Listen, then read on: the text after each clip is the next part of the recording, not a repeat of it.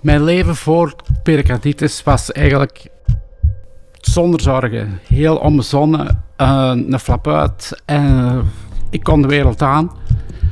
Uh, zonder moeite. En nu de dag van vandaag geniet ik eigenlijk van de kleine dingen. Van het samen zijn, het gezin. Ik ben ondertussen gelukkig getrouwd. En die zaken die geven mij heel veel moed. Mijn naam is Luc Bekkers, uh, kwaliteitsmanager in een voedingsbedrijf te Nederland. Je luistert naar Dit moet van mijn hart, een podcast van de Belgische Cardiologische Liga. In deze podcast nemen we je mee in de wereld van Luc. Na zijn tweede COVID-vaccinatie ontdekten ze bij hem een hardnekkige vorm van pericarditis. Hij vertelt ons waar het allemaal begon en hoe het zijn leven en dat van zijn gezin helemaal heeft veranderd. We laten ook dokter Verheijen aan het woord, die ons uitlegt wat pericarditis is en wat eraan gedaan kan worden. Ik ben Stefan Verheijen, ik ben cardioloog in het uh, Middelheim ziekenhuis in Antwerpen. Dat deel uitmaakt van het uh, ZAS, het uh, ziekenhuis aan de stroom. Pericarditis is een ontsteking van het pericard. En het pericard is eigenlijk het hartvliesje, of het vliesje dat rond het hart ligt. En dat bestaat uit twee bladen. is een blad dat dicht bij het orgaan zelf gelegen is, en dan een buitenblad. En in dat pericardzakje, zoals men dat heet, het hartvlies, daar zit een kleine hoeveelheid vocht in, dat eigenlijk een soort ultrafiltraat van het plasma is. En dat kan variëren van 10 milliliter tot 50 milliliter. Als er een ontsteking is van het pericard, ja, dan is dat vlies uiteraard geprikkeld. Inflammatoire, dat betekent dat daar ontstekingsverschijnselen um, gepaard, uh, of dat er ontstekingsverschijnselen zijn. En dat kan klachten geven, zoals flu-like symptoms, dus griepale klachten. Het kan koorts geven, uh, pijn in de borst, steken, ook ademhalingsgebonden, omdat ook vaak naast het pericard ook de pleura kan uh, ziek zijn of betroffen, betrokken zijn. En de pleura is dan het longvlies. Dus hetzelfde soort vlies, maar dat tegenaan het longweefsel ligt. En vaak, vaak ziet je inderdaad een pleuropericarditis. Wat zijn de oorzaken van pericarditis? De oorzaken zijn, zijn talrijk, zijn ook heel variabel en kunnen variëren van uh, virale bacteriële ontstekingen. We kunnen ook een pericarditis zien bij um, tumoren, zoals bijvoorbeeld borst- en longtumoren, waarbij er ook een ontsteking kan ontstaan met, met vorming van, uh, van vocht in het pericard. Het kan ook um, posttraumatisch zijn, na een ongeval. Of bijvoorbeeld, zoals wij dat noemen, iatrogeen, waarbij uh, chirurgie ontstaat van het hart en waarbij dat er dan een prikkeling van het pericard kan ontstaan. Het kan ook gebeuren na radiatie, bijvoorbeeld na bestraling, vele jaren nadien. Door die radiatie kan er prikkeling ontstaan van het pericard en daardoor een pericarditis. Maar er zijn ook nog andere zaken, bijvoorbeeld medicatie, kan een toxines kunnen pericarditis doen ontstaan. Um, vaak ziet het ook bij um, systeemaandoeningen, reumatoïde artritis bijvoorbeeld, of andere zeldzame systeemaandoeningen. Sclerodermie bijvoorbeeld zijn zaken waarbij ook een pericarditis kan uh, ontstaan. De meest voorkomende is uiteraard de virale pericarditis. En daar kan men heel ver gaan in diagnostiek, wat meestal ook weinig implicaties eh, heeft, omdat het ook naar therapie dezelfde blijft. En omdat het ook vaak, als het gebeurt dat een, een pericarditis ontstaat, dan spreken we van een acute pericarditis. En dan met uh, de nodige therapie, zoals bijvoorbeeld aspirine in combinatie met, uh, met colchicine, dan gaat dat meestal wel over, na een aantal weken. Colchicine is eigenlijk een, een, een, preparaat dat uh, anti-inflammatoire is en dat in combinatie met aspirine een heel um, helend effect heeft op pericarditis. Ik heb last gekregen van mijn hart uh, naar aanleiding van mijn tweede uh, coronavaccin. Twee weken na mijn tweede coronavaccin heb ik uh, last gekregen van vermoeidheid, uh, mijn eigen misselijk voelen, pijn in mijn borststreek. Ja, en toen, uh, ja, de dag daarna ben ik het ziekenhuis in beland. En omdat ik, ik, ik kon niet meer van de pijn, heel veel, heel veel, hoe moet ik het zeggen, heel veel pijnen in mijn, in mijn arm, in mijn, in mijn borstbeen, borststreek.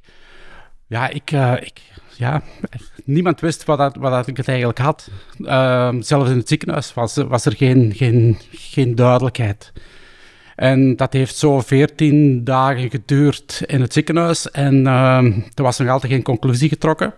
Ben ik ontslagen geweest in het ziekenhuis. Uh, een aantal dagen terug thuis geweest, terug hervallen, uh, terug binnengegaan. Uh, en na vier weken in het ziekenhuis, plaatselijk ziekenhuis hier uh, te Mol, uh, ben ik met spoed overgebracht naar Leuven. En in Leuven is het wel geconstateerd dat ik eigenlijk pericarditis had. De symptomen die ik ervaar uh, met de pericarditis zijn vooral vermoeidheid, pijn in de borststreek. ja, echt al, alles is gewoon te zwaar. En ik kan echt, echt niks. Ik, ik, ik heb eigenlijk een, een, een administratieve rol. Zelfs dat kan ik niet uitvoeren klassieke therapie heeft niet geholpen. Enkel uh, de, de, de, de, medicatie en het uh, starten van kinderen aan de kinderen, de inspuitingen elke dag, die hielpen bij mij onmiddellijk. En na elke inspuiting, ja, binnen de drie uur, was ik gewoon terug 18 jaar of 16 jaar, bij manier van spreken.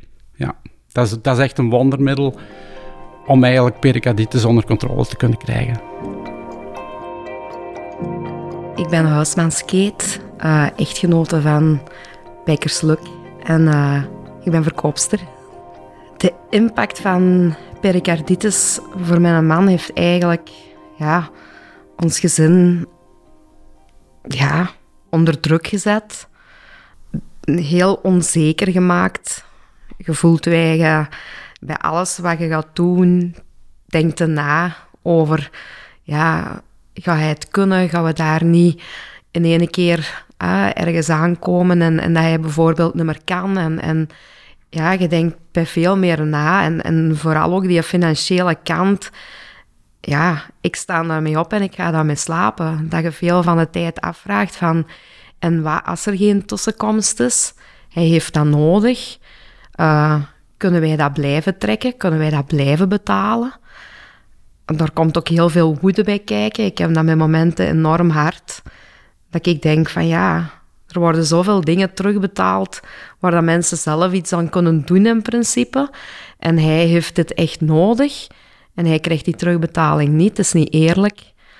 En dat zet, ja, het heeft het gezin wel helemaal op zijn kop gezet. De medische achtergrond van uh, meneer Bekkers is als volgt. Hij is uh, in de jaren 2021 opgenomen geweest in een ziekenhuis omwille van pijn op de borst. Is daar gediagnosticeerd met uh, pericarditis, waarvoor hij een behandeling heeft gekregen. Daarna is, een, uh, is er vrij snel een recidief pericarditis ontstaan. Opnieuw een behandeling en daar heeft hij opnieuw op gereageerd met uh, weliswaar met een verbetering, maar nadien opnieuw een uh, hervallen van de situatie. Is dan naar een uh, universitair ziekenhuis verwezen geweest en daar heeft men opnieuw de diagnose bevestigd en heeft men een andere speciale therapie opgestart, waarbij meneer Bekkers duidelijk beter werd. Ehm, hij heeft dat gedurende verschillende maanden gedaan, maar deze therapie is een proeftherapie, waarvoor eigenlijk geen echt duidelijke terugbetaling bestaat. Althans, niet voor die indicatie. En er wordt verondersteld van die medicatie gedurende een twaalftal maanden te geven. Meneer Bekkers heeft daar zeer goed op gereageerd, gedurende zes, zeven maanden. Maar omwille van terugbetalingsmoeilijkheden is die behandeling gestopt en is al heel snel hervallen. En dus bleef hij zitten met zijn probleem van uh, pericarditis. wat voor hem betekent dat hij heel veel last had op de borst, ook gepaard met koortsaanvallen, werkverlet en dus ook heel veel onzekerheid. Dus een heel moeilijke toestand en vandaar is die man dan uh, is een verdere raad gaan zoeken, omdat hij ten einde raad was, uiteraard. Is hij bij ons terechtgekomen en hebben wij alleen maar vastgesteld dat datgene wat men gedaan heeft tot hiertoe altijd wel volgens de regels van de kunst was. Dat alles goed verlopen was, maar we botsen hier op een probleem van terugbetalingsmodaliteiten van speciale duurmedicatie, die hij eigenlijk niet verder kan krijgen, tenzij dat het uh, betaald wordt door hemzelf. Er is een probleem geweest met de, met de uh, facturatie van de kinderred, de inspuitingen. Uh, in het begin was dat de eerste acht maanden hebben heel, heel goed verlopen. Uh, is er een probleem geweest administratief, um, dat de injecties uh, gefactureerd werden op een opnamefactuur. Um, en dan heeft, daar hebben bepaalde mensen gezegd van, ja, dit kan niet meer, want dit is niet een niet vergoedbaar medi medicijn. En uh, vervolgens hebben ze dat geplaatst onder een ambulant factuur, waardoor we, dat we het eigenlijk de volle pot te betalen kregen. En daardoor ben ik eigenlijk met die behandeling gestopt. Maar na twee weken was ik gewoon helemaal terug hervallen. En nu draaien wij dat op, op eigen kosten. En dat is eigenlijk niet de bedoeling. Dus, want van, voor de ene partij is het wel terugbetaalbaar, maar niet voor haar, patiënten. En ja, dat, dat zou zo niet mogen zijn. We betalen allemaal mutualiteiten, we betalen allemaal ziektekostenverzekeringen. En, en de dag van vandaag is dat eigenlijk not. Dus uh, ik, ik, ik ga werken om mijn ziekte te kunnen betalen. En dat, ja. Dus wat is de bedoeling nu bij uh, meneer Bekkers? Um, meneer Bekkers heeft al een uitvoerige behandeling gekregen uh, op meerdere lijnen. Eerste lijnstherapie, tweede lijnstherapie, derde lijnstherapie. En daarmee bedoel ik, de eerste lijnstherapie is aspirine met colchicine. De tweede lijnstherapie zijn uh, corticoïden in combinatie met colchicine. En een derde lijnstherapie is dan eventueel ook uh, immuunmodulerende medicatie, zoals bijvoorbeeld azatioprine. Uh, en dat heeft hij ook allemaal gekregen en heeft elke keer vastgesteld dat hij een recidief van de pericarditis doet.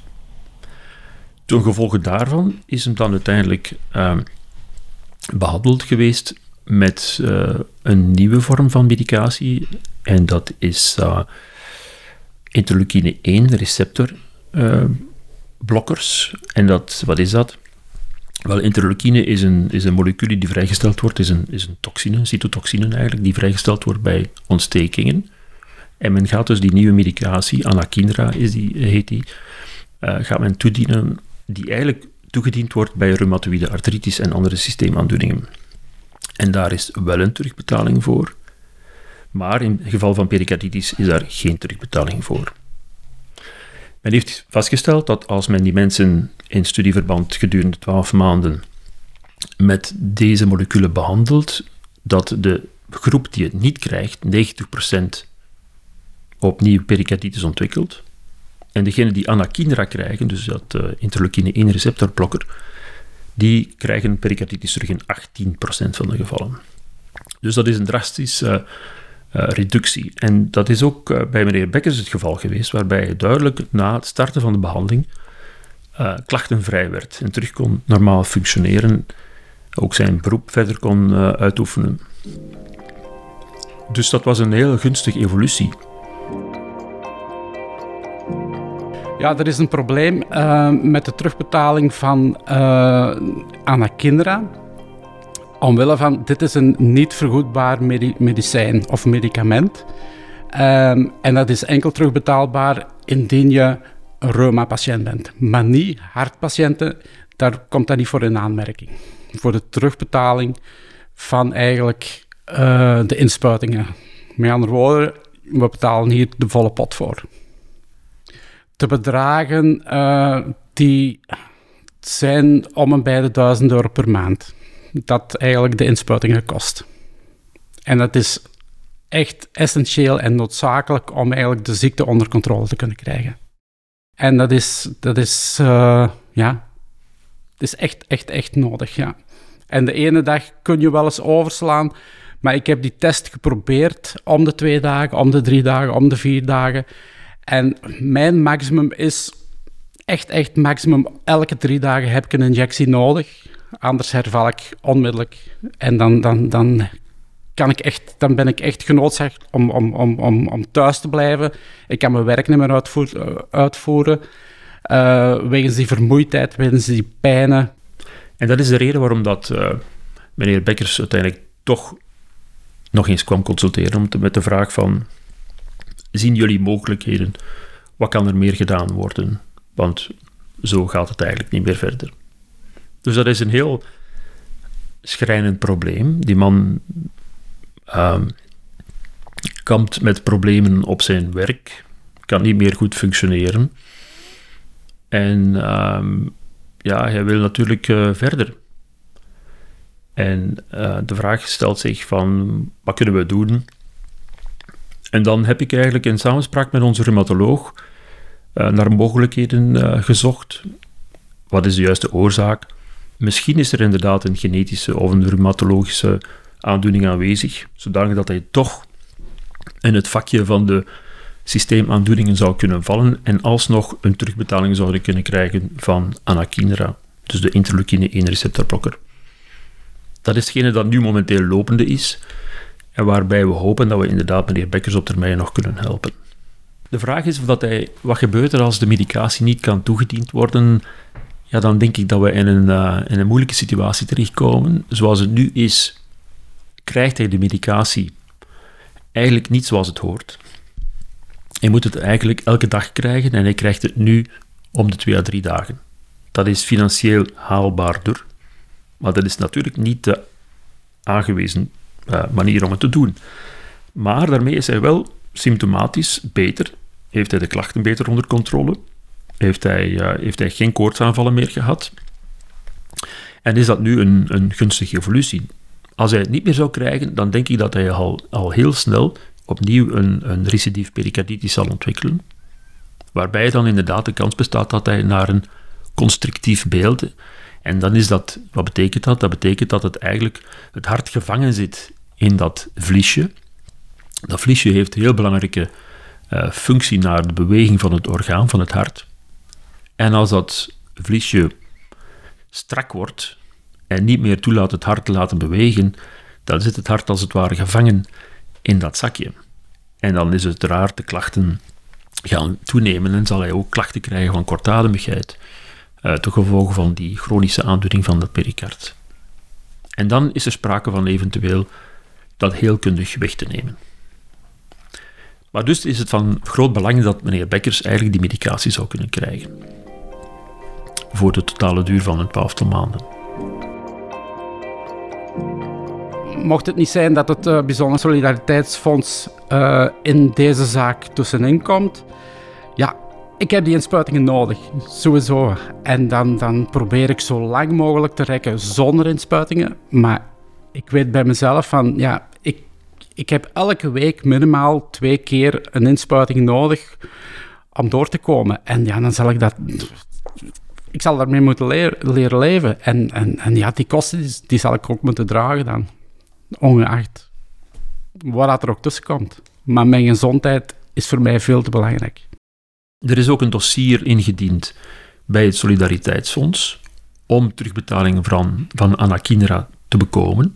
Dat is lopende, maar daar is voorlopig nog geen positief antwoord op gekomen. Dus er wordt aan gewerkt uh, alles wat gebeurd is in de voorafgaande centra of ziekenhuizen is allemaal uh, lege artis gebeurd. Um, er is perfect gebeurd, perfect verlopen zoals het moest, maar het is gewoon een heel hardnekkig geval van pericarditis. Ik denk dat de artsen, de collega's er alles aan gedaan hebben om meneer Bekkers goed te helpen. Uh, alles volgens het boekje hebben gedaan. Maar hij zit natuurlijk met een heel resistente, hardnekkige pericarditis. Ach, mijn man was voor de diagnose eigenlijk, ja, zoals hij zelf al een beetje zei, zo altijd lachen, altijd mopjes, altijd bezig, vooral dat. Ik denk, we zijn nu, sinds dat wij samen zijn, we zijn meer dan tien jaar samen. Ik denk in die tien jaar, ik, heb nog nooit zoveel moeten doen als sinds ik met hem samen ben. Dus die is altijd bezig, altijd aan niets, was ook altijd kan niet, kon ook niet stilzitten. Je moest daar ook niet tegen zeggen van... Willen we nu eens iets naar Netflix op de tv kijken? Want dat interesseert je niet. Laat je maar bezig zijn. Ook altijd de grootste uitdagingen van jobs aannemen. Want dat ik soms denk van... Moet dat nu? Maar hij doet dat echt graag. Hij heeft graag iets waar aan uitdaging aan zit. En um, ja, altijd zo overal graag naartoe willen. En, en ja, een springend veld eigenlijk. Dat is, ook, dat ook waar ik zo verliefd op geworden ben, dat hem zo, zo anders was. En, en dat dat iemand was dat, dat altijd heel, heel vrolijk in het leven stond, eigenlijk. En dat is wel... Ja, voor ons is hem natuurlijk nog. Hè. Hij zal nog altijd het mogelijke doen voor, voor dingen met ons te kunnen gaan doen en zo. Maar ik merk toch dat, dat hij verandert. Dus dat hij zelf ook ja, denk ik, meer nadenkt. Zoals hem zelf zegt ook, hij zal dat niet zeggen, maar ik merk dat wel goed genoeg aan hem.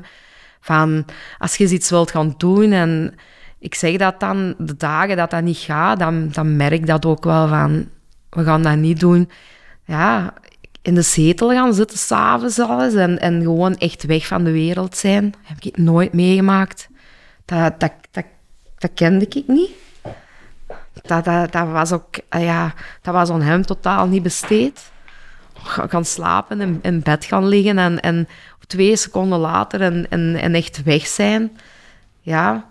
En, en gewoon ook de bepaalde dingen ja, niet meer kunnen. Hè. Zodat als, als, als ze met twee, zo, de dochter en hij, zo wat gek aan doen zijn, is, is goed hard achter elkaar lopen. En ja, dan merk ik op een gegeven moment, is dat, ja, dan zie ik die een beetje wegtrekken. En dan weet ik van, hij is over zijn grens gegaan. En die grens had hem vroeger niet. En die grens is er nu wel heel duidelijk. En die is heel duidelijk zichtbaar. Ik merk dat ook met zijn job dat hem heeft. Hij heeft een heel verantwoordelijke job. En vroeger ging dat als niks. En nu merk ik naar het einde van de week toe dat ik denk van... Het is goed geweest.